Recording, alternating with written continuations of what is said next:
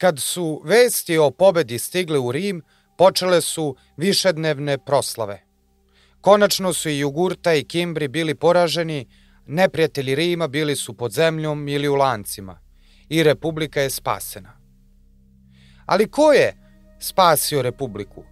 Katul koji je bio komandant pod Marijem kod Verčele i njegov kolega iz 102. godine pre Hrista, kao i Sula koji je bio legat pod Marijem u boju protiv Germana, obojica u svojim memoarima tvrde da im je Marije ukrao pobedu. Pričali smo u prethodnoj epizodi o tome kako se Marije nekud izgubio kad je bitka otpočela, ali razlog tome je verovatno bilo to što je brzim manevrima sam na čelu konjice u pomami bitke u haosu prašine, znoje i krvi efektno razbio germanske redove i rasturio im bojni poredak. Ali možda nam najbolje o tome ko je bio pravi pobednik u boju kod Verčele govori odluka Marija da proslavi triumf zajedno sa Katulom. Ovo je bilo izuzetno neuobičajeno u rimskoj tradiciji. Po običaju, svaki vojskovođe, između ostalog, pred očima imao slavu koju bi stekao time što bi mu senat dodelio triumf. Bio je to vrhunac karijere rimskog političara koji je moglo jedino da nadvisi obnašanje položaja cenzora ili diktatora. Eto, ipak je Mari odlučio da podeli triumf sa Katulom. Moguće je da je na umu imao bes koji bi izazvao kod Katulovih legionara, koji zaista jesu izneli dobar deo tereta rata protiv Germana na svojim plećima i koji ne bi blagonaklono gledali na previđanje njihovog podviga. O tome ko je bio pravi pobednik nad Germanima, ostavit ćemo vama da zaključite. Ali čak ni posle ovog veličanstvenog triumfa Marijeva politička ambicija se nije smirivala. Plutarh nam donosi vesti o tome da se Marije spremao za novi konzulat. Obavljao je, dakle, peti konzulat, a za šestinje žudeo kako niko ne žudi ni za prvim, nastojeći pridobiti narod laskavom udvornošću i ugađao mu tako da mu je popuštao, želeći ne samo protiv dostojanstva javnog ugleda, nego i protiv vlastite naravi biti preučtiv narodni čovek, a takav po naravi nije bio ni najmanje. Kaže Plutarh, pa dode, čini se da se većma prepadao i plašio galame u skupštinama. Ova Plutarhova rečanica poslednja svedoči o arhetipskoj slici iz literature i istorije, o ratnom heroju koji se ne snalazi u talogu mirnodopske politike. Setimo se samo Čerčela, koga je posle drugog svetskog rata britanska parlamentarna demokratija gotovo bedno i ponižavajuće počistila sa istorijske scene ali imajmo sa druge strane na umu da britanska parlamentarna demokratija nije isto što i rimska forumska demokratija. Spomenuli smo koaliciju koju je Marije napravio sa popularskim radikalom Lucijem Apulejem Saturninom, koji se sa naknadnom pameću istoričari i danas iščuđavaju. Jer upravo Plutarhov opis Marijevog odnosa prema skupštinama i gradskoj politici daje logiku na prvi pogled čudnom savezu između trećeg osnivača Rima, Gaja Marija, i najluđeg među mnogobrojnim demagozima koje je rimski forum video. Kao što je Marije na bojnom polju bio spreman da ide tamo gde je klanica najveća, tako je Saturnin bio spreman na sve da izgura svoju agendu. Sve u svemu, i stota godina pre Hrista bile dobra godina za populare, ali neki će reći da je ta stota godina bila, dakle, godina u kojoj je Rimska republika umalo pala. Marije je sa lakoćom osvojio šesti konzulat te stote godine pre Hrista, peti u zastupni od 104. godine pre Hrista. Međutim, i Saturnin je dobio još jedan mandat da bude narodni tribun, dobivši time i kontrolu de facto nad skupštinama, dok je njegov saradnik Glaukija pobedio na izborima za pretora – postavši time nadležan za sudove. Gaj Saufej, još jedan iz te trijade popularskih prinčeva, postoje kvestor. Marijev kolega sa druge strane, konzul Lucije Valerije Flak, bio je, kako Plutarh kaže, više sluga nego kolega. Iz Saturninove kampanje bilo je jasno da sprema osvetu za svog starog protivnika, Metela Numidika. Podsjetimo se, Metel Numidik je imao nameru da kao cenzor Saturnina i Glaukiju izbaci iz senata zbog nedoličnog ponašanja prema izaslanicima kralja Mitridata, koji su kao strani ambasadori bili sakrosanktni, odnosno nedodirivi, i čitave bufonerije sa lažnim sinom Tiberija Graha koji je navodno iskrsao od nekud i sada podržavao Saturnine i Glaukiju, kojima je očajnički bio potreban legitimitet koji je davalo ime Graha. Predosećajući predstojeće lomove u Republici, optimati su, kao sa braćom Grah, želeli da podmetnu jednog svog čoveka, izvesnog Nonija, među tribune, koji bi sputavao Saturninove ludosti. Međutim, shvativši da je raspoloženje birača takvo da Nonije može pobediti i postati jedan od narodnih tribuna, Saturnin i Glaukija su po starom dobrom receptu okupili grupu svojih pristalica i krenuli ka skupštini na dan izbora, pa nahvatali Nonija i, kako objašnjava e, istoričar Apijan, saterali ga u neku krčmu i tu izboli na smrt.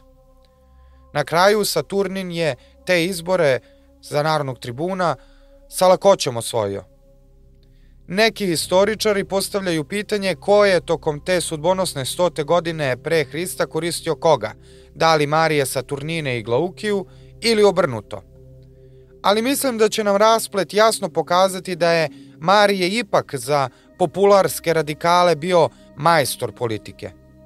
Međutim, haos stote godine pre Hrista pokrenuo je niz procesa koji su kulminirali u takozvanom savezničkom ili marsijanskom ratu protiv italskih naroda. Italija je u to vreme gorela kako nije ni u vreme Hanibala. Nastavljamo serijal o padu Rimske republike, ja sam Tiosa Purić, a vi slušate novu epizodu Viška istorije.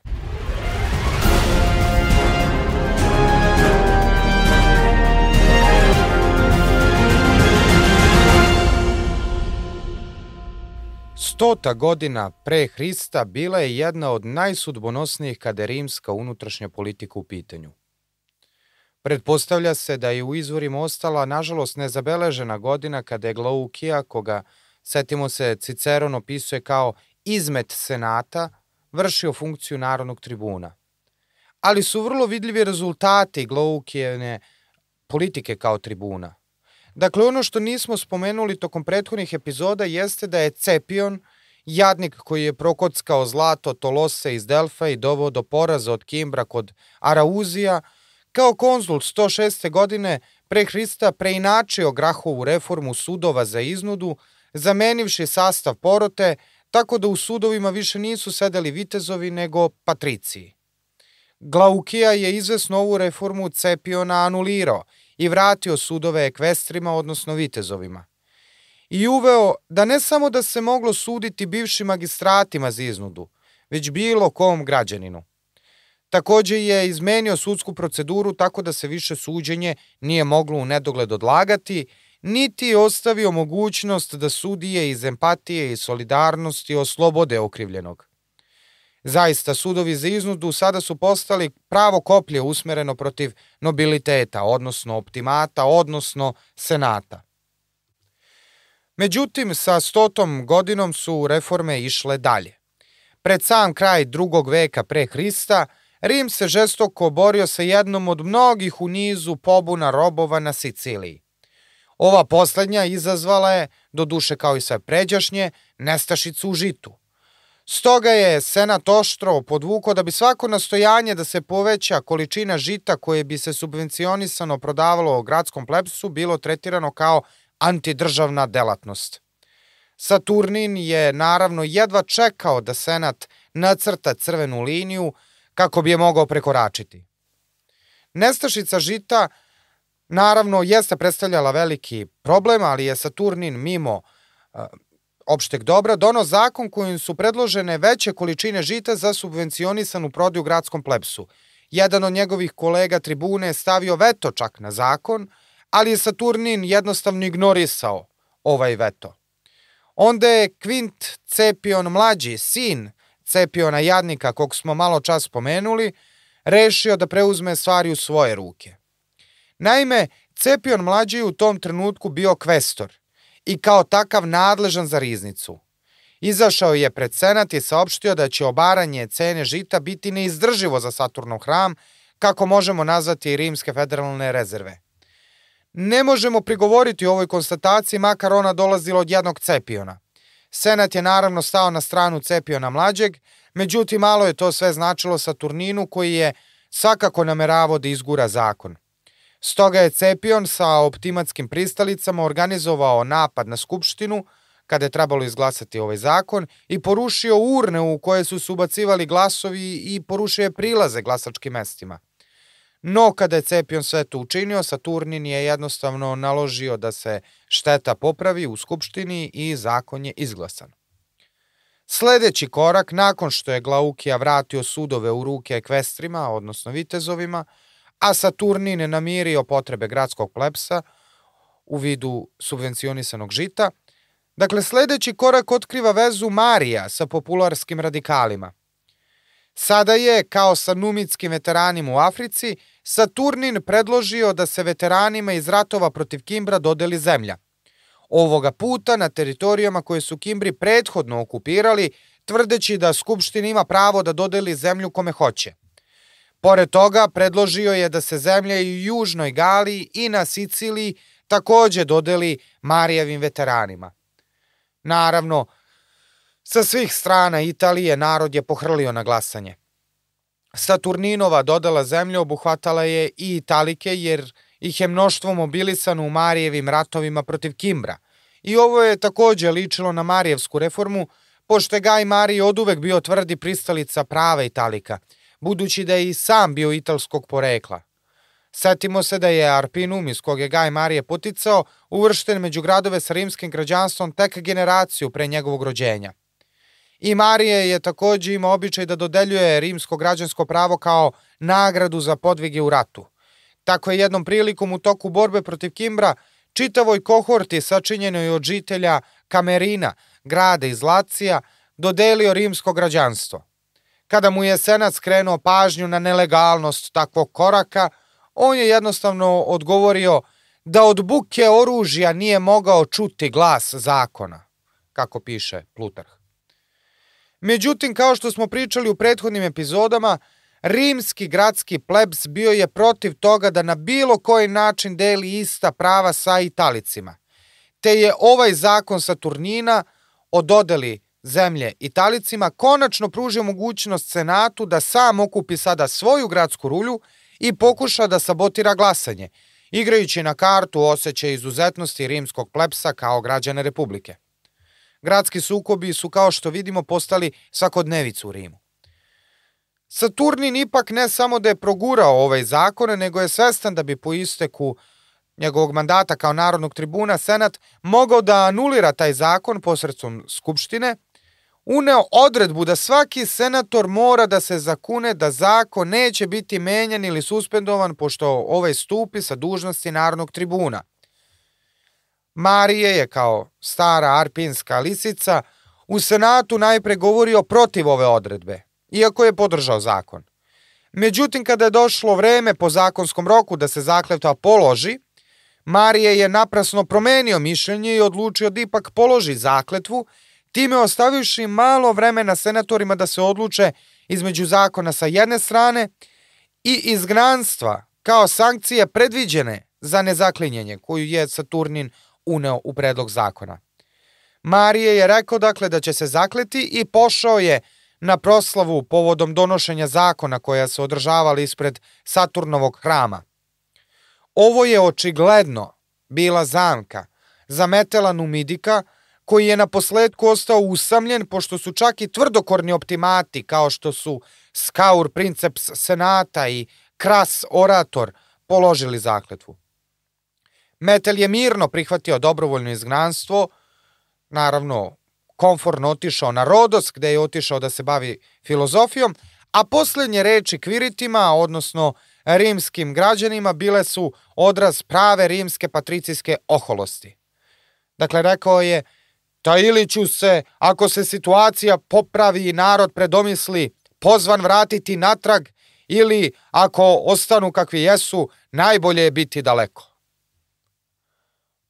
Ovaj uspeh koalicije Marija i popularskih radikala Saturnine i Glukije bio je poslednji čin ovog političkog saveza. I tu dolazimo do odgovora na pitanje ko je koga iskoristio. Marije je, ostvarivši svoje planove, jednostavno povukao svoju podršku radikalima. Iz ovoga očigledno vidimo da je Marij iskoristio njih, jel tako? I iako neki istoričari govore o tobožnjoj simbiozi, ovde je očigledno u pitanju bio čist Marijev makijavelizam. Cilj dodele zemlje njegovim veteranima opravduje sredstvo, odnosno savez sa Glaukijom i Saturninom. No čitav haos je krenuo kako su se bližili izbori za magistrate za 99. godinu pre Hrista.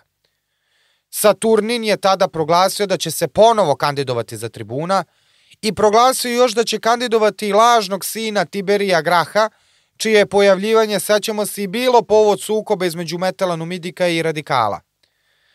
Sada je, međutim, Marije sasvim iznenada naredio da se lažni sin Tiberija Graha uhapsi. Ali konzulski izbori za 99. godinu pre Hrista su zapravo bili pravo za mešeteljstvo. Dvojica favorita proglasili su kandidature. Jedan je bio najveći besednik uz malo pre pomenutog krasa oratora, bio je to Marko Antonije Orator, deda Marka Antonija Triumvira, koji se upravo bio vratio iz pohoda protiv kilikijskih gusara i sa popularnošću koju je stekao kao besednik sa jedne strane i uspešnim ratovanjem protiv pirata sa druge, bio je apsolutni favorit. Drugi kandidat je bio još jedan od popularskih prinčeva i demagoga, ali nikako radikalan kao Glaukije i Saturnin. Bio je to naš stari znanac Gaj Memije, koji je u svoje vreme dovukao Jugurtu, sećamo se kao svedoka u Rim, da svedoči o tome koga je sve od senatora potplaćivo. I on je imao veliku podršku u narodu i trebalo je da sa lakoćom dobije izbore kao, da kažemo, drugo izabrani posle Marka Antonija Oratora. No za konzula se kandidovao ni manje ni više nego i Gaj Servilije Glaukija. E sad, Glaukijina pobeda na izborima predstavljala bi opasnost po sve, uključujući tu i Marija, jer dok su Grahi ili velika koalicija populara koja je stajala iza velikih uspeha ovog tabora za vreme Jugurtinog rata i rata protiv Kimbra, dakle predviđali reforme i želeli da vrše pritisak na senatore – Saturnin i Glaukija su legitimizovali preko svake mere gradsko nasilje i činilo se nekad da samo iz šefa žele da sruše celo zdanje Rimske republike na glavu senatu, pa ako treba i narodu. E sada opet tu srećemo Marija na strani senata. Gaj Marije, iako i sam kršio ista zakonska ograničenja uzastopnim izborima za konzule iz godinu godinu, proglasio je Glaukinu kandidaturu za konzula nelegalnom, jer je u tom trenutku ovaj bio još uvek na poziciji pretora. No Glaukija je jednostavno u maniru radikala, popularskih, jednostavno ignorisao Marijevu objavu i nastavio da vodi kampanju kao da će učestvovati u izborima. E opis ovih izbora vidimo iz mnogo kasnije literature izvora uh, iz Istorija protiv pagana, čiji je autor Pavle Orozije, istoričar iz 4. i 5. veka posle Hrista, koji je ovu svoju istoriju napisao na nagovor svetog Avgustina Hiponskog. Evo kako on sve to opisuje. Dakle, Marko Antonije, orator, je sa lakoćom dobio izbore. Ali se onda činilo u toku glasanja da će Gaj Memije sledeći dobiti izbore. E tada su Glauki i Saturnin organizovali svoju bandu i neki Metije je, kako Orozi opisuje, dohvatio mučenog Gaja Memi i pretugao ga na smrt. Cinici bi rekli da je revolucija gutala, jel te, svoju decu, ali pravi revolucionar Gaj Marije pažljivo je gledao kako se razvija odnos između senatorskog i popularskog tabora. Evo jedna anegdota o tome kako je bio pažljiv i kako je stekao u nekoj potonjoj literaturi nadima Karpinska lisica – Kako Plutarh opisuje, jedne večeri Gaj Marije prihvatio senatore u svoju vilu, a istovremeno je pozvao i Saturnina i uveo ga kroz zadnja vrata i smestio ga u drugu prostoriju.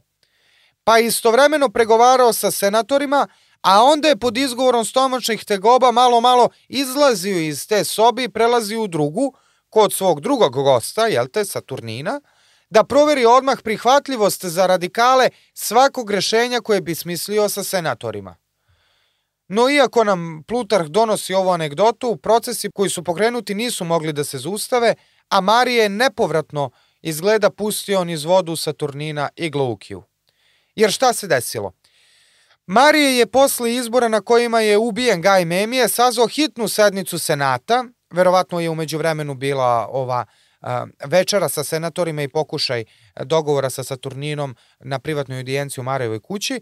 Dakle, to se desilo umeđu vremenu, ali je Marije sazvao hitnu sednicu Senata da raspravljaju o daljim koracima, jer zaista nije moglo da se toleriše takav izgred kao što je ubistvo kandidata za konzula. I na ovoj sednici Senata, koju je moguće prethodno dogovorio sa vođima optimatu u svojoj kući, Senat je izdao Mariju isti onaj Senatus Consultum Ultimum, koji je izdao svojevremeno i Luciju Opimiju, kada su Opimiju dato ovlašćenja da se reši, sećamo se Gaja Graha i Marka Fulvija Flaka. E sad, ovo je bila stvarno velika promena. Da Marije bude uzdanica Senata bilo je nezamislivo koliko godinu ranije. Ali Marije se naravno pokazao mnogo mudrijim od Opimija, a ruku na srce imao je i veće iskustvo u bitkama, ali i u politici.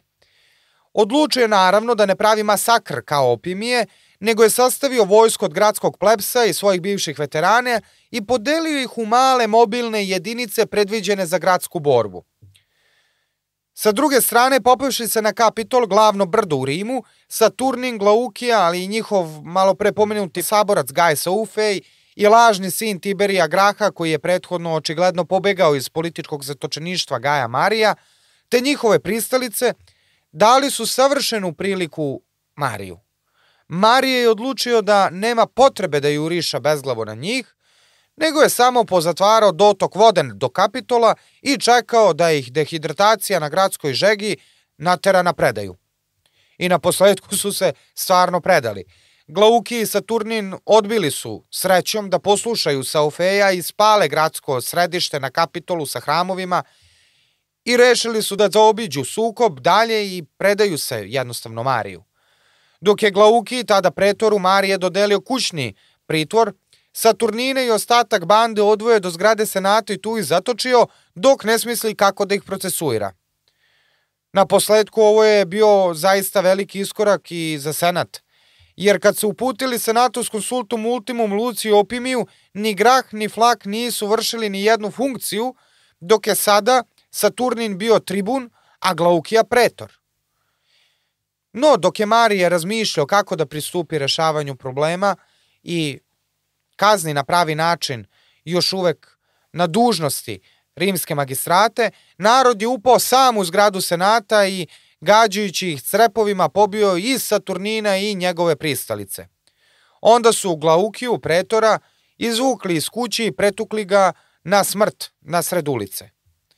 E sad, da li da verujemo da Marije, stara arpinska lisica, nije imao nikakve veze sa ovim dešavanjima naroda, ostavit ćemo vama da zaključite ponovo. Ipak, da tako brzo narod promeni čud, teško je zaočekivati.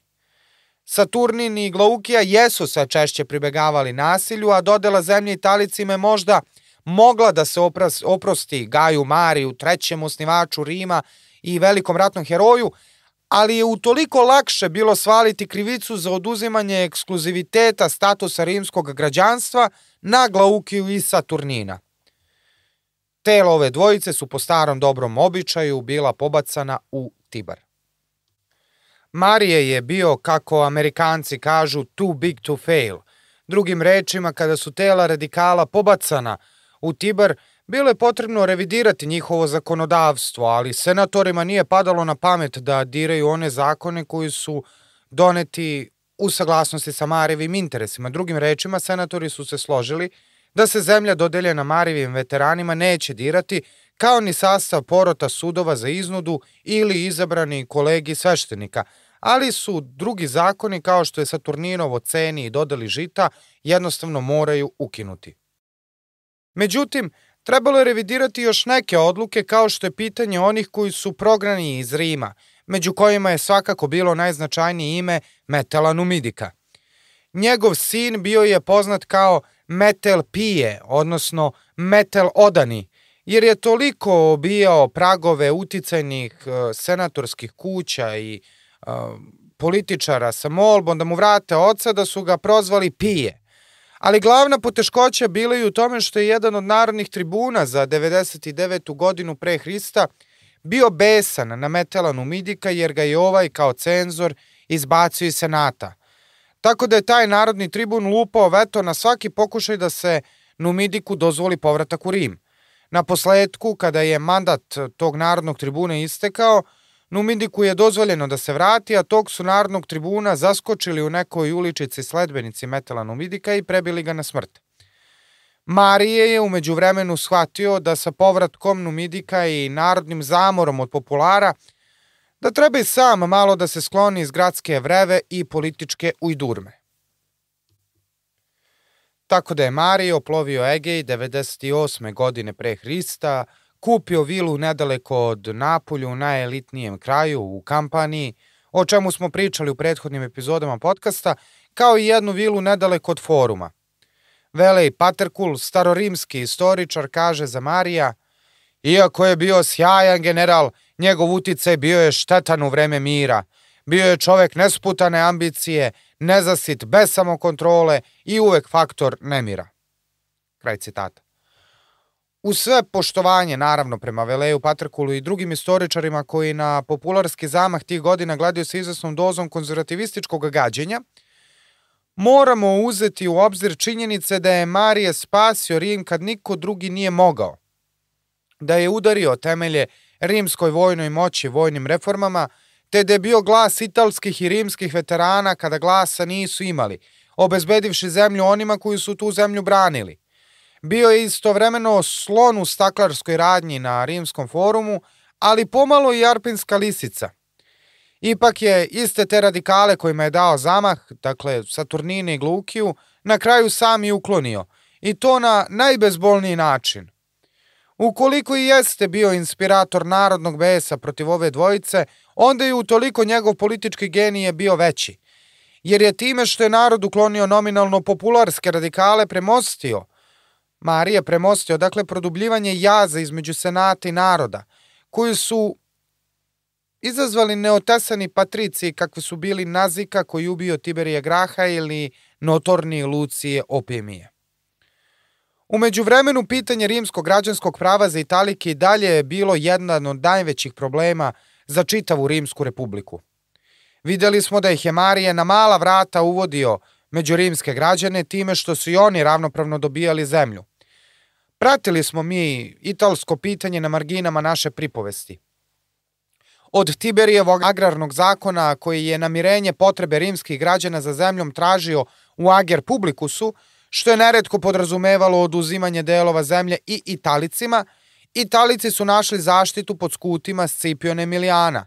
Sećamo se da je Flak, saradnik Gaja Graha, hteo da pitanje agrarne reforme i problem oduzimanja ager publikusa, odnosno javne zemlje od Italika, da bi se zemlja dodelila Rimljaninama, želeo da nadomesti tako što bi Italici trampili zemlju za građanstvo. Problem takve ideje bio je u tome što su zemlju mogli da trampe samo oni koji su zemlju imali.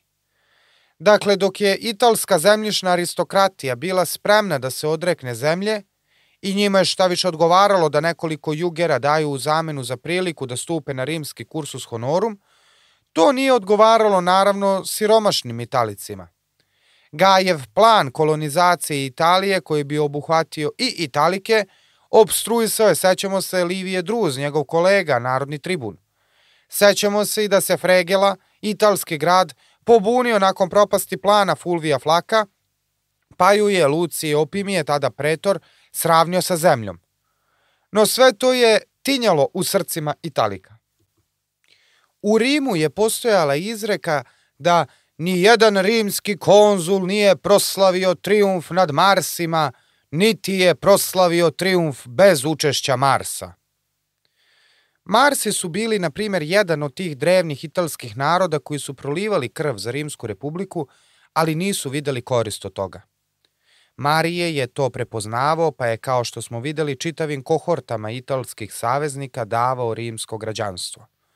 Međutim, kada bi se vratili sa vojnog pohoda, Ti Marijevi vojnici su se vraćali u svoje gradove, među porodicu i prijatelje, i tamo bi se isticali kao rimski građani sa svojim pravima u odnosu na svoje sunarodnike. Time je samo dalje podrivano do tadašnje ustrojstvo i novopečeni rimski građani izazivali su zavist svojih italskih sugrađana.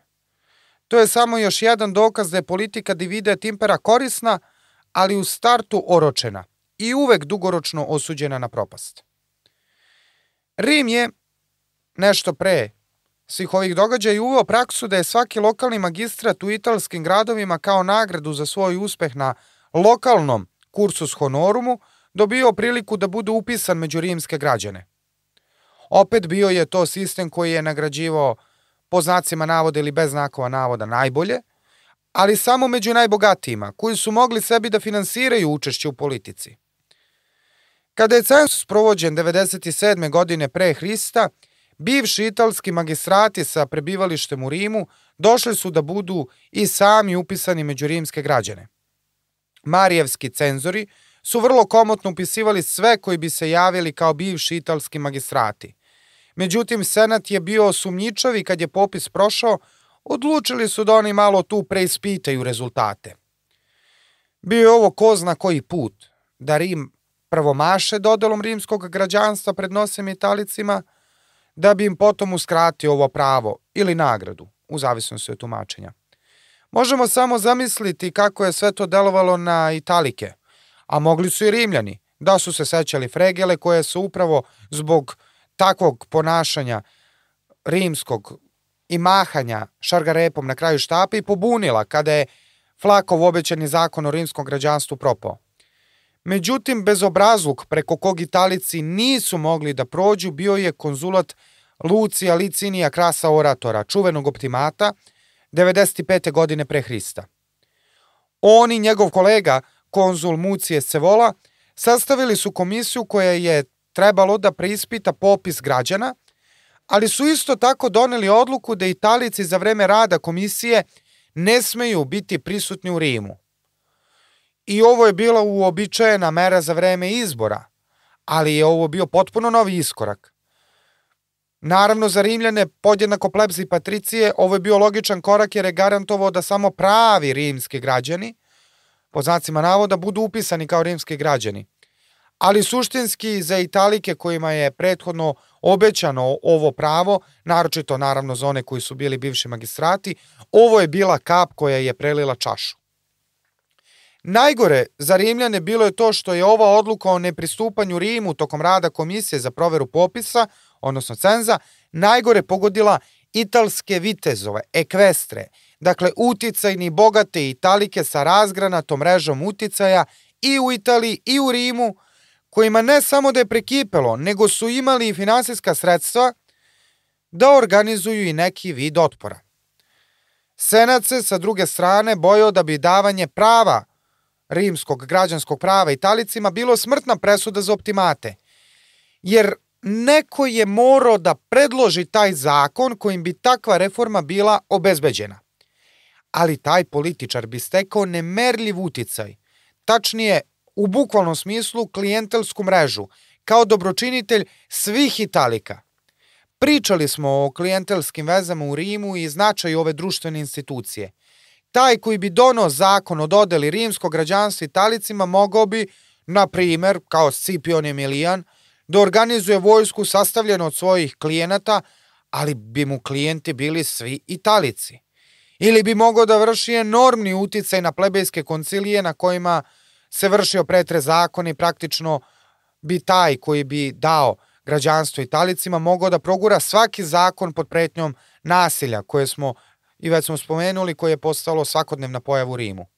Marijac se možda jeste najviše približi ovakvom položaju, ali on je išao dotle da traži građansko pravo za sve Italike, iako ga jeste dodeljivo već samo zemlju za svoje italske veterane koji su ratovali za Rim u najsudbonosnim trenucima.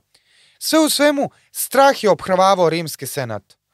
I to je bilo ono što je sa jedne strane gurnulo čitavu Italiju u a, građanski rat, ali sa druge strane i mnogo više bes koji je obuzimao italske vitezove. I bila je to prava zapaljiva mešavina koja će izazvati sukob kakav Italija nije videla od vremena drugog punskog rata i napada Hanibala na Rim. Umeđu vremenu predah od ratova je konačno obezbedio Rimskom senatu priliku da se pozabavi tekućim problemima Republike. Rimska provincija Azija bila je povod brojnim unutar političkim sukobima još od vremena Tiberija Graha. Međutim, za vreme rata protiv Jugurte i Kimbra, Rimljani nisu obraćali preteranu pažnju na uređenje provincije, naročito jer je obezbeđivala stabilan dotok prihoda od poreza. Kako kaže Cicero na jednom mestu za Aziju, bila je izuzetno bogata i blagorodna. Bila je potom iznad bilo koje druge zemlje. Kraj citata. E sad, porezi, o tome smo pričali, su prikupljali vitezovi. I to posebni vitezovi, takozvani publikani, koji su otkupljivali pravo na ubiranje poreza na javnim dažbama. Kao što smo rekli u prethodnim epizodama, publikani bi platili predviđeni iznos od iznos poreza u kasu, od ubiranja poreza, ali bi onda prilikom prikupljanja poreza nastojali da prebace taj iznos koji je uplaćen u kasu Saturnovog hrama, pa bi cedili lokalno stanovništvo preko svake mere samo da bi ostvarili neki profit. I bilo je to manje više javna tajna u Rimu. Sa druge strane, Glaukina reforma sudova za iznudu obezbedila je vitezovima da svoje kolege koji su bili publikani štite od bilo kakve kazne za takvo ponašanje, jer su upravo vitezovi i sedeli u tom sudu. Dakle. E sada je došlo vreme da se sve te reforme revidiraju. Senat je poslao jednu pravu starovremensku senatsku delegaciju u Aziju da izvidi situaciju.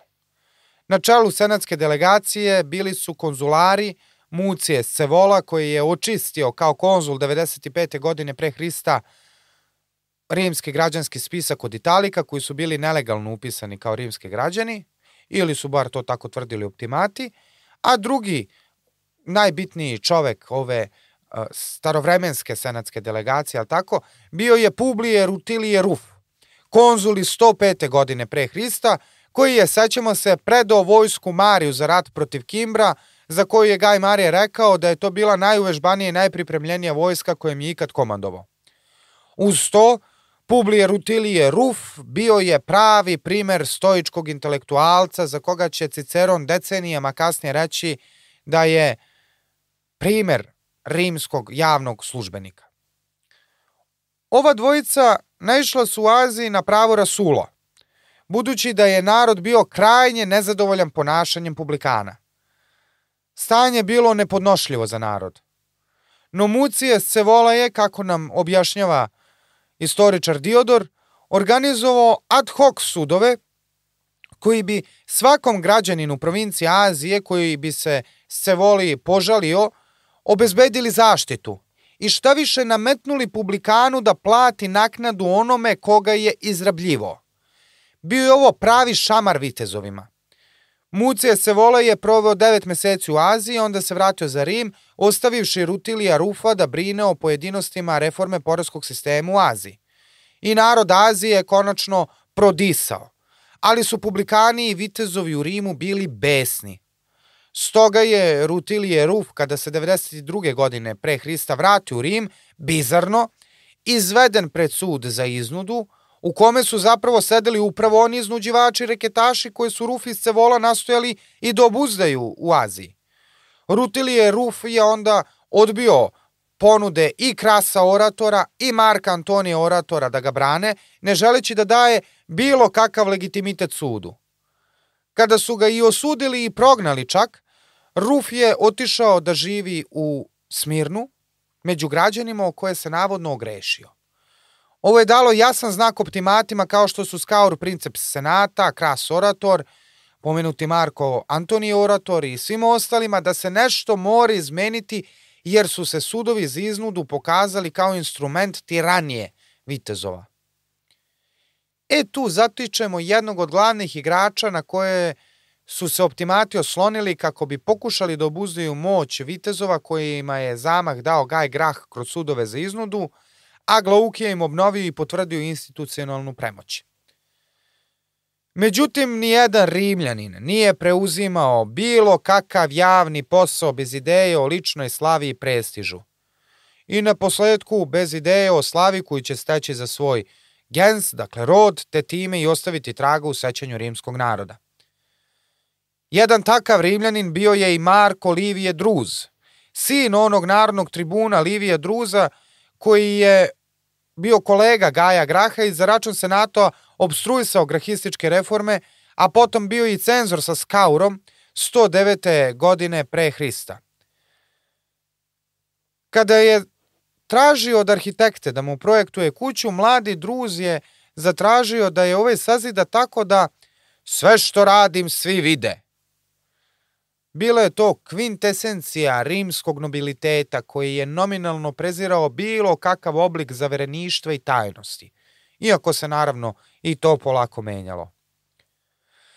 Sam Druz, mlađi, nije bio blizak popularskim krugovima i možda je baš zato Skaur, princep senata, odabrao sina svog starog kolege cenzora da sprovede reforme koje su bile očajnički potrebne Rimu, pa mu je pružio podršku na izborima za Narodnog tribuna za 91. godinu pre Hrista. Sa pozicije Narodnog tribuna, Druz je trebalo da sprovede reforme koje su bile potrebne optimatima da bi se zaštitili od premućstva vitezova. Najradikalniji predlog reformi koje je Druz predložio bila je zapravo da se Senat proširi za 300 članova. Možemo zamisliti kakvog je ovo imalo uticaja budući da je broj članova Senata bio konstantan još izvesno od vremena početka uspostavljanja dakle Rimske republike u šestom veku pre Hrista. Ti novi članovi Senata bili bi regrutovani iz redova najistaknutijih vitezova. Time bi, ako bi se menjao sastav sudova za iznudu i ako bi se sudije birali iz Senata, taj Senat bio zapravo sačinjen u podjednakoj meri i od vitezova. Međutim, ovo je sve bio mač sa dve oštrice. Sa jedne strane ovo jeste bilo Kolumbovo jaje – za rešavanje problema sudova za iznudu, to jest problema koji su sudovi za iznudu predstavljali za Senat. No vitezovi koji bi ušli u Senat morali bi da se odreknu svih lukrativnih poslova jer je senatorima bilo dozvoljeno da se bave samo poljoprivredom, politikom i ratom. Sa druge strane, senatori su sigurno doživljavali proširenje Senata kao degradiranje njihovog statusa. Zašto bi se oni izjednačavali sa nekakvim Skorojevićima, pa još sa njih 300? i jednog Gaja Marija su teško podnosili. Ali svestan toga da bi vitezovi, ako bi odlučili da zakoče ovaj zakon, mogli da mobilišu javnost sa lakoćom, Druzi odlučio da se posveti i plebejcima, pa je ponudio proširenje zakona o prodaji subvencionisanog žita. Sa druge strane, nameravao je da reaktivira stari agrarni zakon Tiberija Graha – Sada ne moramo zamišljati kako su Italici reagovali na ovo reaktiviranje ideje da se Ager Publicus, odnosno javna zemlja, podeli rimskim građanima, prilikom čega bi stradali italski posedi. Naime, dobro je posvedočeno u izvorima da je Quint Popediji Silon, vođa plemena Marsa, došao narodnom tribunu Liviju Druzu.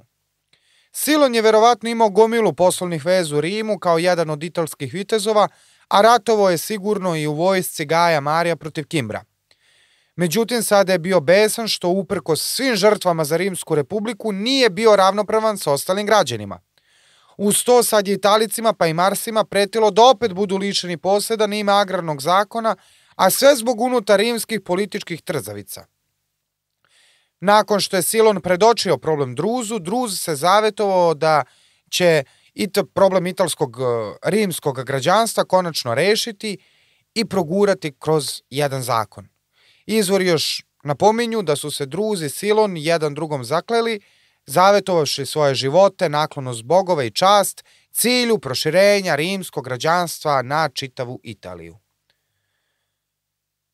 Ovo je otprilike bio neki set reformi koje je Druz predvideo i hvalio se da nije nikom ništa ostavio što bi mogao dalje ponuditi i rimskom narodu i senatu. I zaista njegove reforme jesu bile sveobuhvatne, ali je tim pre svako imao zamerku na njegove reforme. I seoski plebs i senatori bili su protiv subvencionisanja žita u većim količinama za gradski plebs. Stari senatori su bili protiv ideje da se senatu pridruži 300 Skorović iz Viteškog staleža, a vitezovi su se bojali da su sve reforme usmerene protiv njih i protiv njihove rastuće moći i na kraju krajeva i bili su u pravu. Jedan od moćnijih protivnika druzovih reformi bio je Lucije Marcije Filip, konzul 91. godine pre Hrista. On sam bio je jedan od istaknutih populara koji u vreme popularskog triumfu u periodu između 104. i 100. godine pre Hrista bio jedan od najogorčenijih protivnika krasa oratora i skaura princepsa senata. Ali sam Lucije Marcije Filip je u svoje vreme predlagao jedan zakon koji je predviđao preraspodelu zemlje, međutim sada kada je suprotna strana predložila sličan zakon, ovaj se naravno žestoko usprotivio.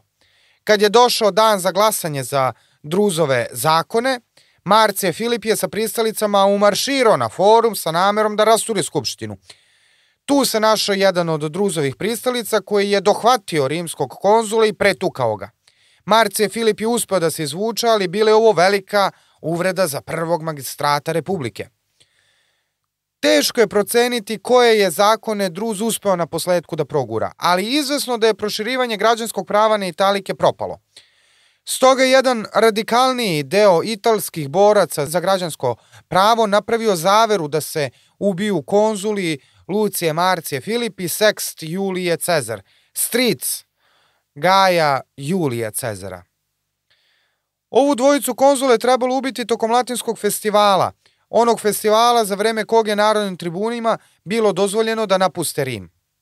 Druz je ipak konzulima dojavio šta se spreme i oni su uspeli da se izvuku.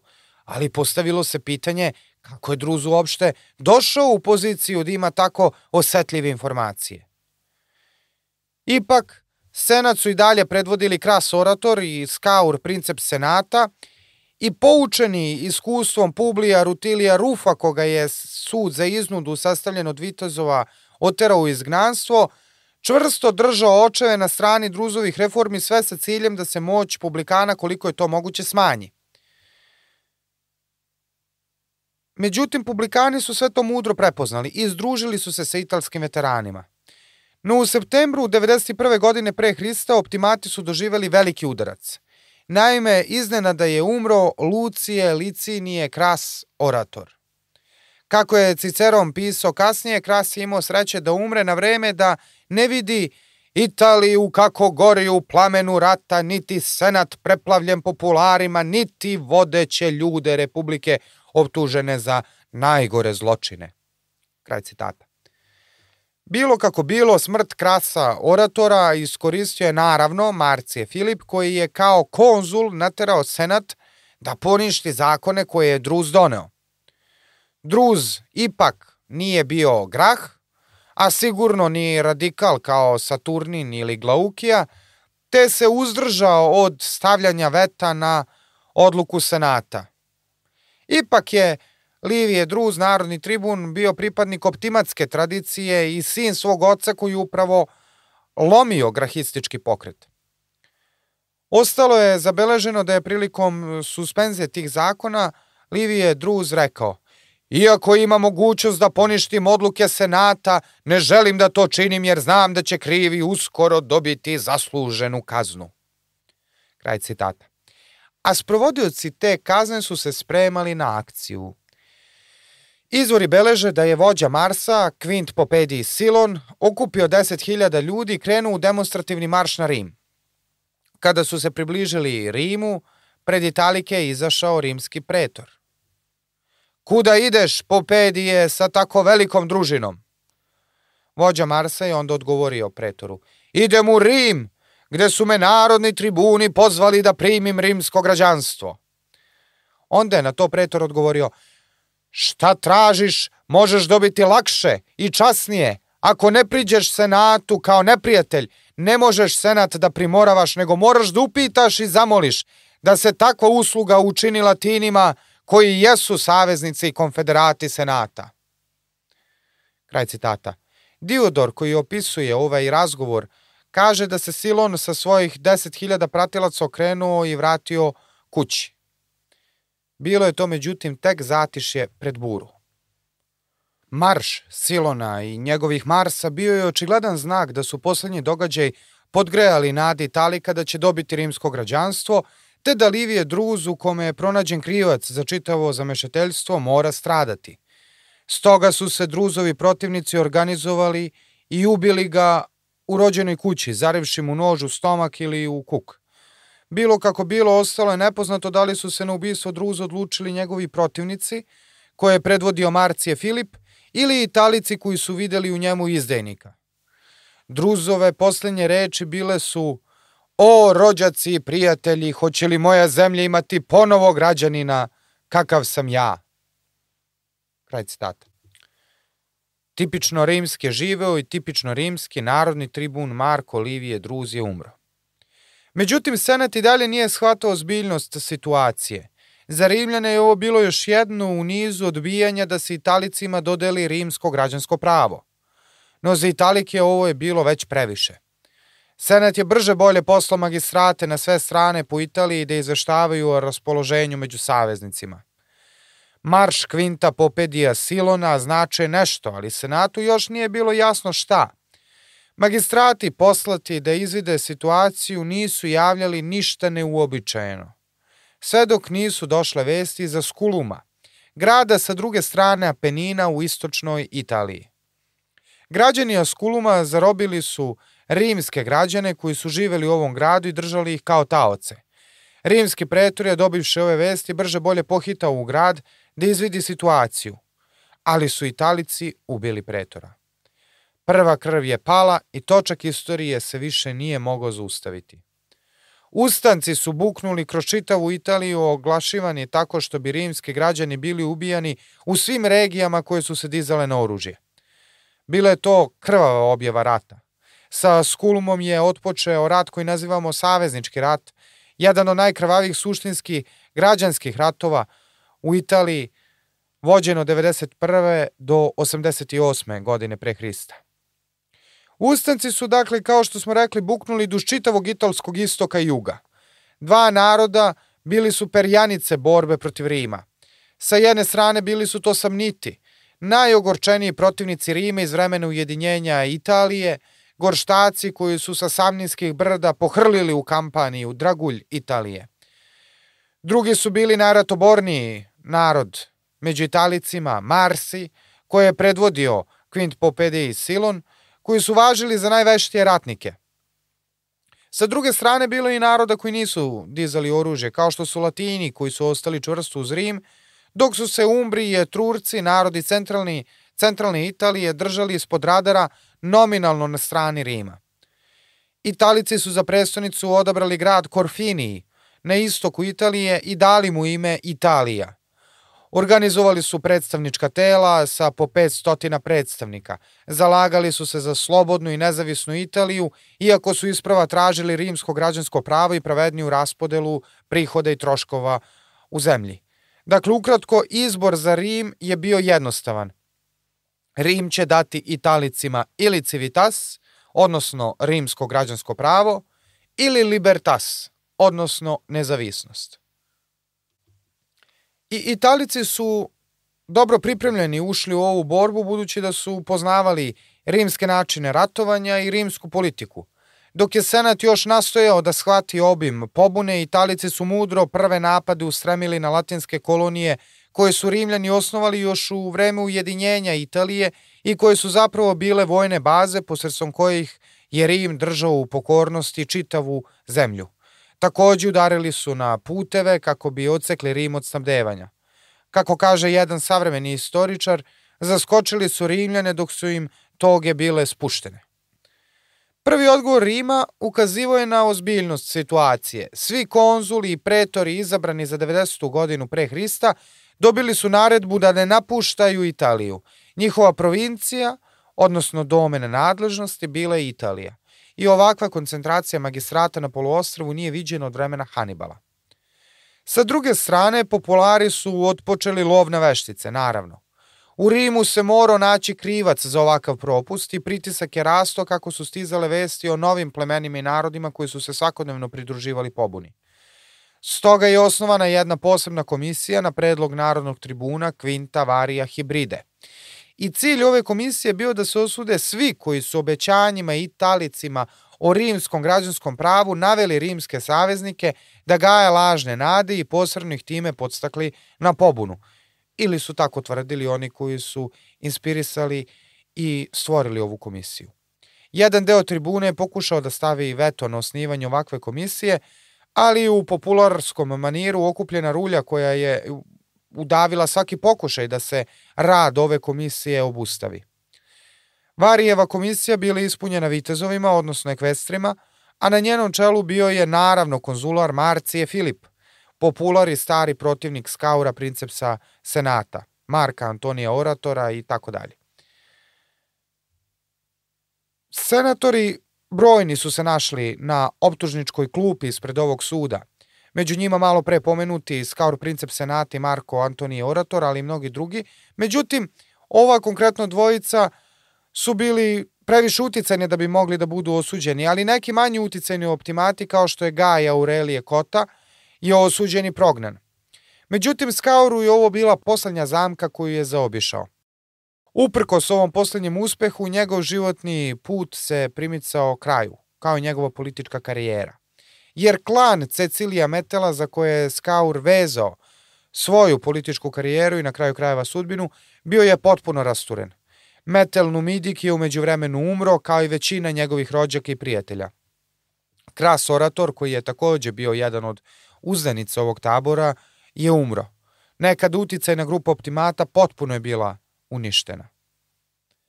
Jasno je da kao i sa sudbinom gradova i carstava i sreća porodica cveta, vene i nestaje. Zapisao je Velej Paterkul u sudbini Cecilija Metela, od kojih je ostao jedino Numidikov sin, Metel Pije. Skaur je umro početkom 89. godine pre Hrista, rezigniran i poražen. Umeđu vremenu, proleće 90. godine pre Hrista bilo je trenutak za rimski protivudar. Porodica Julija Cezara, koja je povratila svoje mesto u rimskoj politici zahvaljujući vezama sa Gajem Marijem i moguće Kornelijem Sulom, vratila se na velika vrata. Rođak Gaja Julija Cezara, Lucije Julije Cezar, bio je konzul za 90. godinu pre Hrista i poveo je vojsku na jug, protiv Samnita, dok je konzul Publije Rutilije Lupus poveo vojsku protiv Marsa. Sext Cezar Stric, onog Cezara, je kao prokonzul vodio vojsku na Skulumo, dakle čitava pobuna i počela.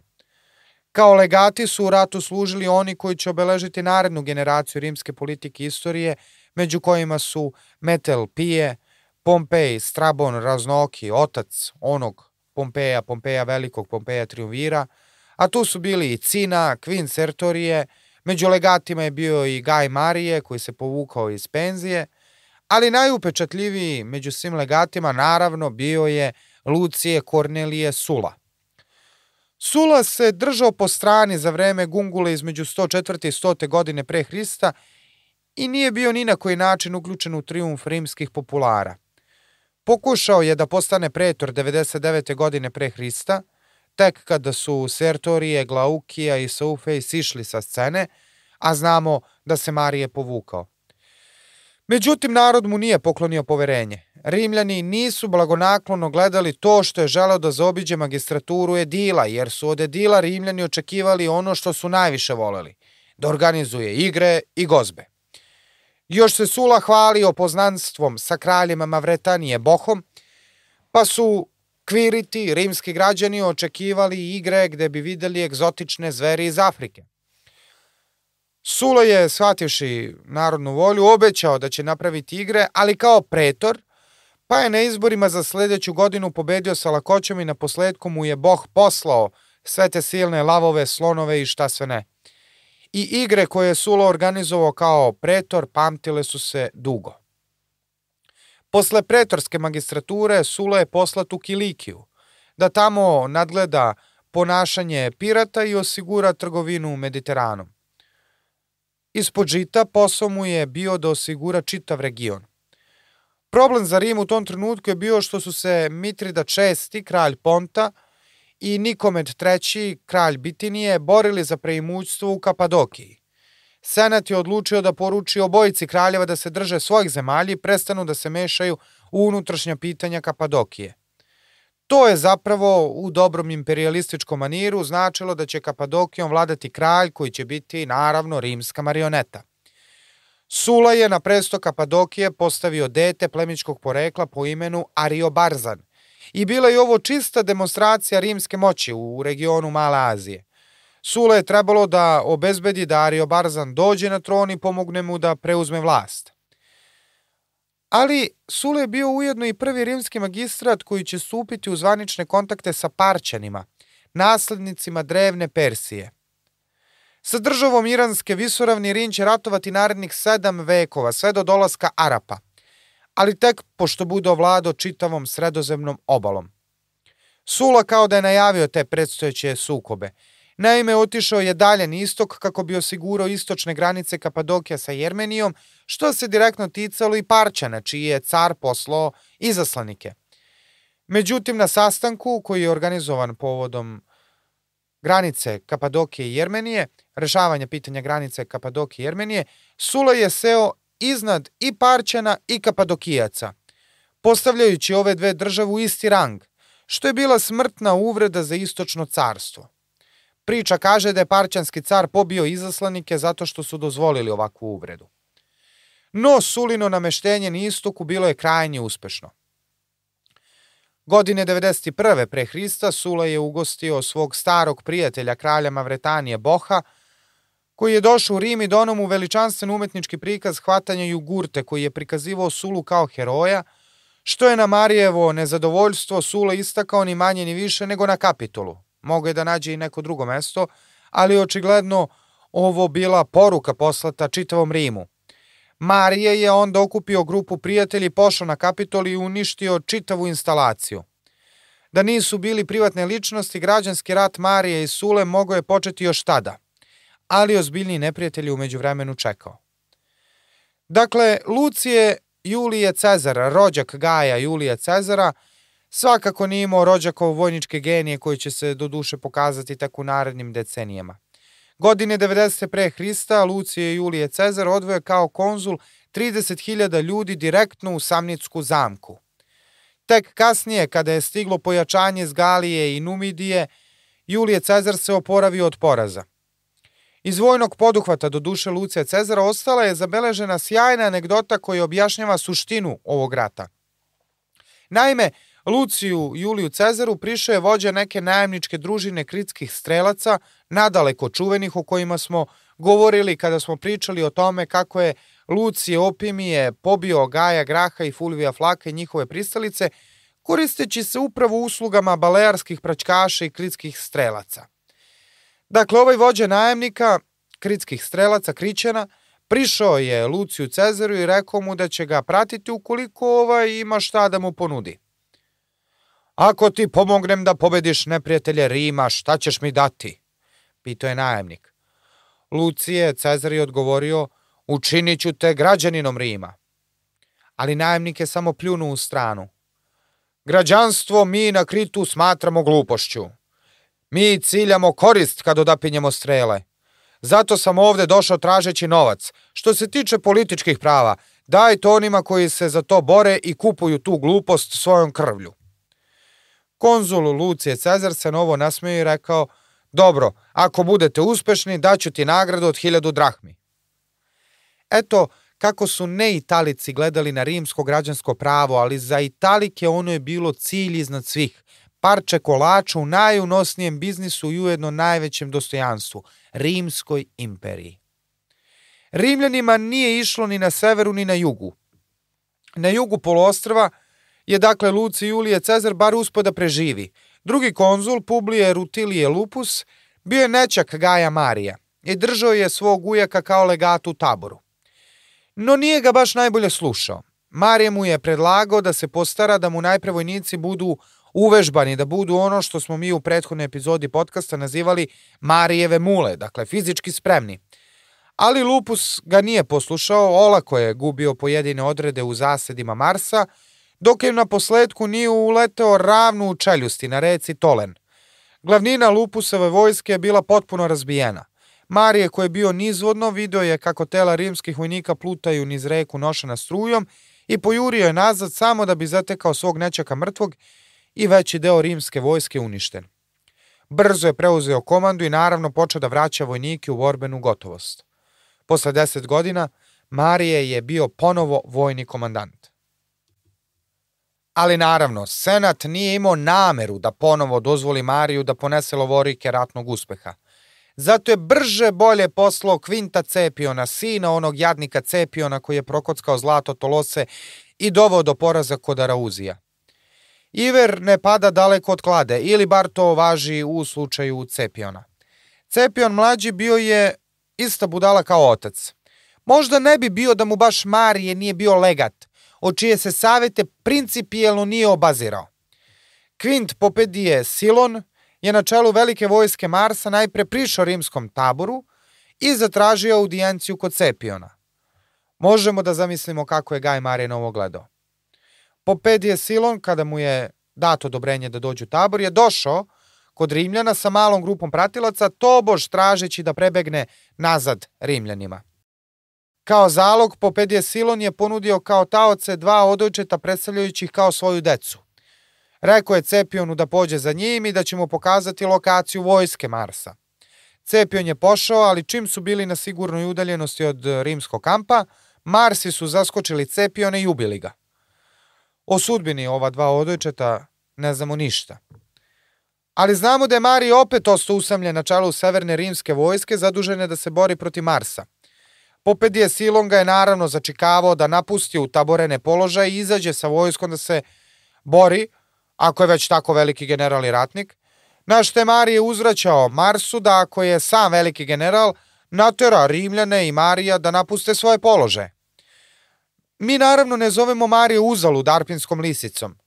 On nije bio, i to treba razumeti, Aleksandar Veliki ili Hannibal ili ne de Bože avanturista kakav je bio Pir. Marijeve pobede su se oslanjale na strpljenje i pažljive proračune. Znao je kada treba da zauze vojnike, a kada da ih oslobodi sa povoca. Znao je kada treba napasti, a kada se povući i kako vešto manevrisati oko neprijatelja i izbaciti neprijatelje iz takta. I opet je uspeo. Krajem 90. godine pre Hrista, na veliku žalost Senata i Optimata, Gaj Marije dobio je prvu bitku u savezničkom ratu i to ni manje ni više nego nad Marsima, vodeći dva put obezglavljenu vojsku. Za to vreme Askulum, gde je sve počelo, bio je pod opsadom prokonzula Seksta Cezara, strica Gaja Julija Cezara. O tome da su porodično bili povezani i u starijoj generaciji Juliji Cezar i Pompeji vidjet ćemo sada, jer je legat pod Sekstom Cezarom bio Gnej Pompej Strabon, čiji su posedi bili upravo u ovoj oblasti Askuluma.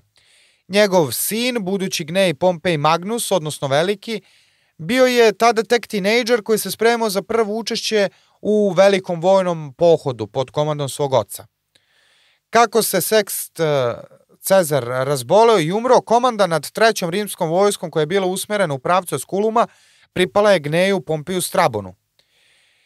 Diodor opisuje koliko je ovo bio krvav rat sa promenljivom ratnom srećom za obe strane. Opsade gradova i masovni masakri, neuspesi rimskih generala 90. godine pre Hrista, bili su svakako demotivišući do mere da je Senat zabranio da se pali rimski vojnici prenose u Rim da bi se spalili. Trebalo je da se spale tamo gde su pali. Prizor priliva tela palih mogao bi da uplaši, mislili su senatori nove regrute. Moralo se misliti na narodni moral. Posle 50 godina mrcvarenja italskih nada i imajući u vidu razorni rat, senat je konačno popustio. Lucije Julije Cezar vratio se u Rim da nadgleda izbor magistrata za narednu godinu i tom prilikom, dakle krajem 90. godine pre Hrista, donet je Julijev zakon, Lex Julija, koji je donao naravno Luciji Julije Cezar. Svi Italici prema ovom zakonu koji još nisu digli oružje postali su rimski građani, dobili su pravo da glasuju na skupštinama i pravo na zaštitu od magistratskih zlostavljanja. Naravno, Senat je postavio caku i u ovaj zakon. Italici će biti raspoređeni u 10 triba koje poslednje glasaju, tako da će većina triba odlučiti pre nego što Italici raspore, raspoređeni u 10 poslednjih uopšte dođu na rede da glasaju. Šta više, redko se javljala potreba da uopšte budu pozivani na glasanje, ali se ipak reč proširila Italijom. Rim je dao svojim saveznicima konačno rimsko građanstvo. Na konzulskim izborima za 89. godinu pre Hrista pobedio je Gnej Pompej Strabon, što će reći razroki. Homonovus kao Marije Skorojević, ali sa neupitnim ratnim umećem, razroki Pompeje pre nego što će poći u Askulum da sada u kapacitetu konzula preuze komandu nad rimskom vojskom, donao ključni zakon koji će udariti temelj njegovoj političkoj moći i moći njegove porodice. Dono je čuveni Lex Pompeja, kojim je latinsko pravo dato svim kolonistima koji su naselili posle pustošenja Kimbra Cis Alpinsku Galiju, ravnicu severno od reke Po. Time je sprečio da se rat proširi na sever sa jedne strane, ali ispod žita sebe tablirao kao zaštitnika i dobročinitelja svih tih ljudi koji su naseljavali tu oblast, koji će mu se naći zgodno i u opsadi Oskuluma, mislio je, ali načelno za buduću političku delatnost. Pored Lucija Julija Cezara i Gneja Pompeja Strabona Razrokog, donet je još jedan ključni zakon. Bio je to zakon koji je zgurao Gneji Papirije Karbon, sin onog Karbona koji je izazvao boj sa Kimbrima kod Noreje i izvršio samoubistvo, i sinovac onog Karbona koji je bio sa Grahom i Flakom u agrarnoj komisiji i izvršio samoubistvo 119. godine pre Hrista. Pošto je prvog Karbona u smrt oterao Kras Orator, a oca ovog narodnog tribuna za 89. godinu pre Hrista je u smrt oterao Marko Antonije Orator, mladi narodni tribun sigurno nije imao nikakvih simpatija za optimate, a ni obzira prema njihovim političkim e, preferencijama. Stoga je dono zakon Plautija Papirija, Lex Plautija Papirija, koji je verovatno skandalizovao Senat, a koji je za sve građane savezničkih gradova u Italiji koji bi se za šest dana javili pretoru, bilo predviđeno dodeljivanje građanskog prava. Drugim rečima, i oni koji su bili u otvorenoj pobuni, sada su mogli da dobiju rimsko građanstvo. Ovaj i zakon Julija trebalo je da spreče širenje pobune, ali je Italika pod oružjem besnih na Rim i dalje bilo dovoljno da Rimu nanesu još ponižavajućih poraza. No godina 89. pre Hrista ipak je počela mnogo bolje za Rimljane nego prethodna. Lucije Porcije Katon, stric Katona mlađeg, poslat je od strane senata kao konzul da preuzme komandu od Gaja Marija na frontu protiv Marsa. Konzul je sa tipičnom katonovskom upornošću primorao Marija da se povuče, preuzeo komandu, napao utvrđenje Marsa i naravno doživo stravičan poraz, pritom i sam izgubivši život. Tako da, ako ni po čemu drugom, ova godina je krenula dobro za Rimljane, što je Gaj Marije opet isplivao na čelo jedne rimske vojske. Do duše usled tragičnih okolnosti. Ali je na drugim ratištima išlo bolje. Gnej Pompej Razroki vodio je sa sobom dvojicu mladića. Jedan je bio, dakle, njegov sin, Gnej Pompej, budući veliki, zanesen snovima o podvizima Aleksandra Velikog, a drugi je bio slabunjavi, ali i vispreni Marijev zemljak, Mark Marko Tulije Ciceron. Kao mladi momci, oni su pratili razrokog Pompeja i njegove neumoljive legije koje su na putu do Askuluma ugušile tek rađajuću pobunu u Umbri i Etruriji. Ovde su ljudi jednostavno digli ruke od pobune jer su sa jedne strane stajale rimske legije razrokog Pompeja i to stajale na njihovoj zemlji, dok su sa druge strane jednostavno dozivani u redove rimskog građanstva zakonima koji su nedavno doneti krajem 90. i početkom 89. godine pre Hrista, tako da nije bilo nikakve političke logike da se dignu na pobunu. No u Askulumu Italici su okupili desetine hiljade vojnika u nastojanju da poraze Pompeja razrokog, ali ovaj se jednostavno nije dao. Na posledku, ne mogavši da probiju opsadu, vođe Italika u Askulumu su napravile gozbu, pogostili su se i onda ispili otrovno vino. Videli smo da su ovu praksu imali i uh, domoroci u Numidiji. No Askulum se konačno predao u novembru 89. godine pre Hrista. Pompej razroki je upao u grad, vodeće ljude bičevao i obezglavio, gomilu žitelja poslu u ropstvo, a ostatak raselio i oduzeo im naravno bilo kakva prava. Zbog ovakvog ponašanja i držanja Pompej Strabon, Pompej Razroki, prozvan je kasapinom Askuluma. S ovim padom Askuluma, odakle sve počelo, italska pobuna se polako lomila. Ustanici su čak odlučili da se povuku iz Korfinija koji su nazvali Italijom, u samnitske zemlje čiji je narod baštinio predačku mržnju prema Rimljanima. Ali povlačenje iz Korfinija i gubitaka Skuluma bili su veliki ne samo strateški nego i simbolički udarci koje je Rim uspoda nanese Italicima. No Italici su koji su se sad povukli u Samnicka brda imali na raspolaganju oko 50.000 vojnika, ali ne i šanse velike za uspeh. Za komandanta svih pobunjeničkih snaga odabran je Quint Popedi Silon, koji se jednostavno i najbolje pokazao, ali pozicija nije bila dobra za Italike, naročito sa obećanjem o dodeli rimskog građanstva. Italici jesu bili sumnjičavi jer nisu imali razloga da veruju Rimljanima, ali to nije bilo dovoljno da se late oružja. I sa druge strane, zakoni su legitimno doneti u skupštinama. No, u ovim ratnim vihorima na jugu je u prvi plan konačno izbio Lucije Kornelije Sula. Veštu prepadima i gerilskom ratovanju, ispekavši zanat ratovanja u Numidiji, Sulina ratnička taktika kakva god bila podrazumevala je da poraza ne može biti.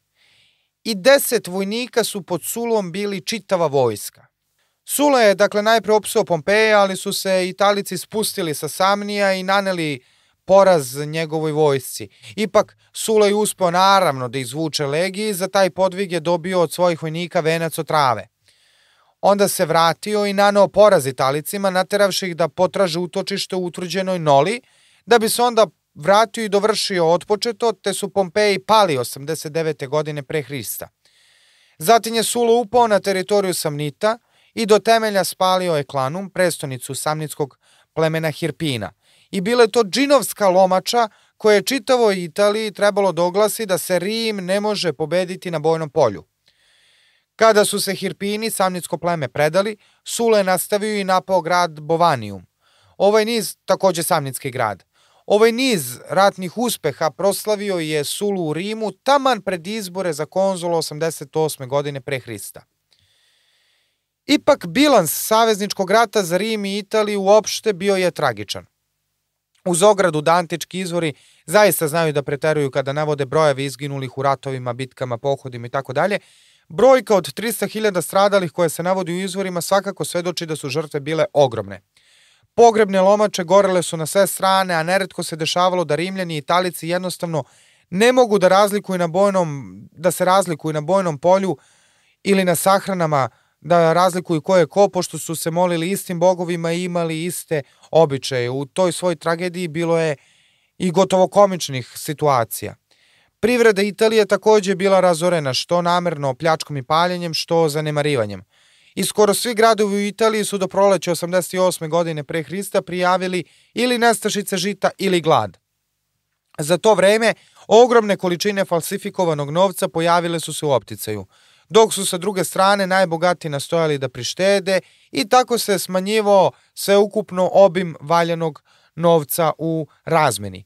Publikani su pokušali da naplate dugovanje od dužnika nakon što su njihovi interesi u Aziji bili ugroženi, ali monetarna kriza jednostavno nije mogla da se zustavi i pogodila je čak i svešteničke kolegije koji su se finansirali iz takozvane numine riznice nazvane po bogobojažljivom drugom kralju Rima, Numi Pompiliju.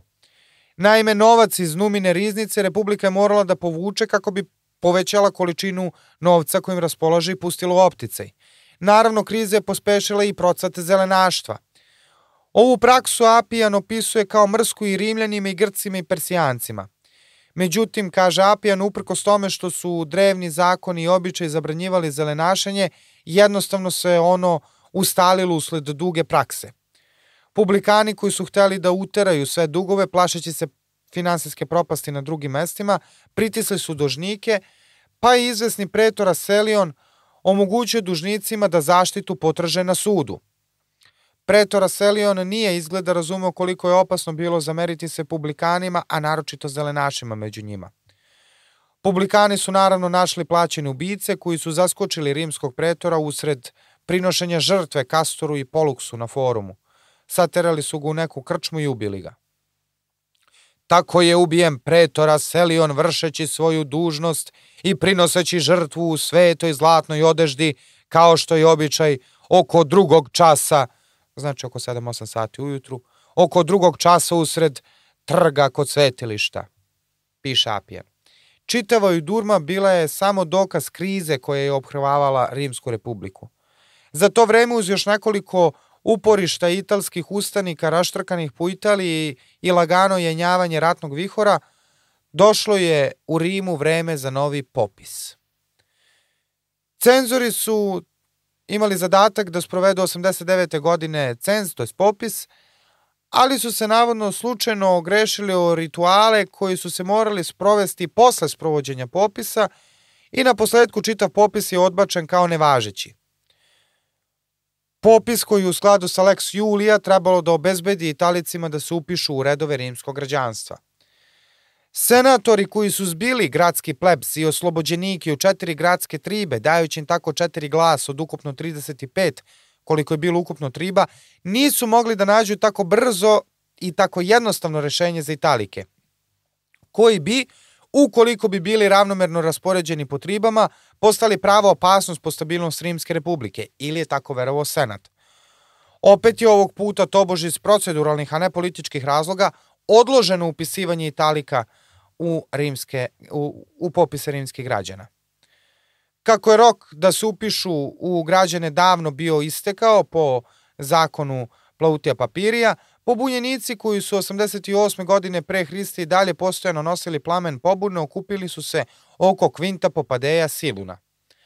Ova je imao pod komandom oko 50.000 ljudi u Samniju i smatrao je da može da pobedi i dalje. Bovanium, grad koji je Sula osvojio, Silon je sada uspeo da povrati i umarširao je u taj italski grad u velikom triumfu kako bi malo popravio moral ustanika. Takođe je dodatno osnažio Nolu, utvrđeni grad koji je značio Italicima kao uporište na jugu Italije. Međutim, Rimljani su okupili novu vojsku koja, koju je sada predvodio poslednji izdanak roda Cecilija Metela, Metel Pije.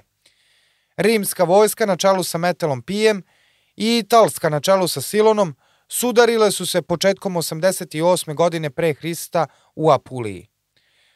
Možda je samo 6000 Italika poginulo u okršaju, ali je bitno da je u ovom okršaju poginuo i vođa Marsa i zapovednik italskih ustanika Quint Popadej Silon. I bio je to kraj savezničkog rata. Ali ne i pobunjenika. Malo njih se okupilo u Apuliji polažući nade u izgubljeni slučaj da mogu da se izbore na kraju za nezavisnu i slobodnu Italiju, a sa nadom su gledali naravno i na istok, u novog neprijatelja Rima koji se uzdizao i koji dan danas pleni svojom harizmom i čudnovatošću, a radi se naravno o ponskom kralju Mitridatu VI.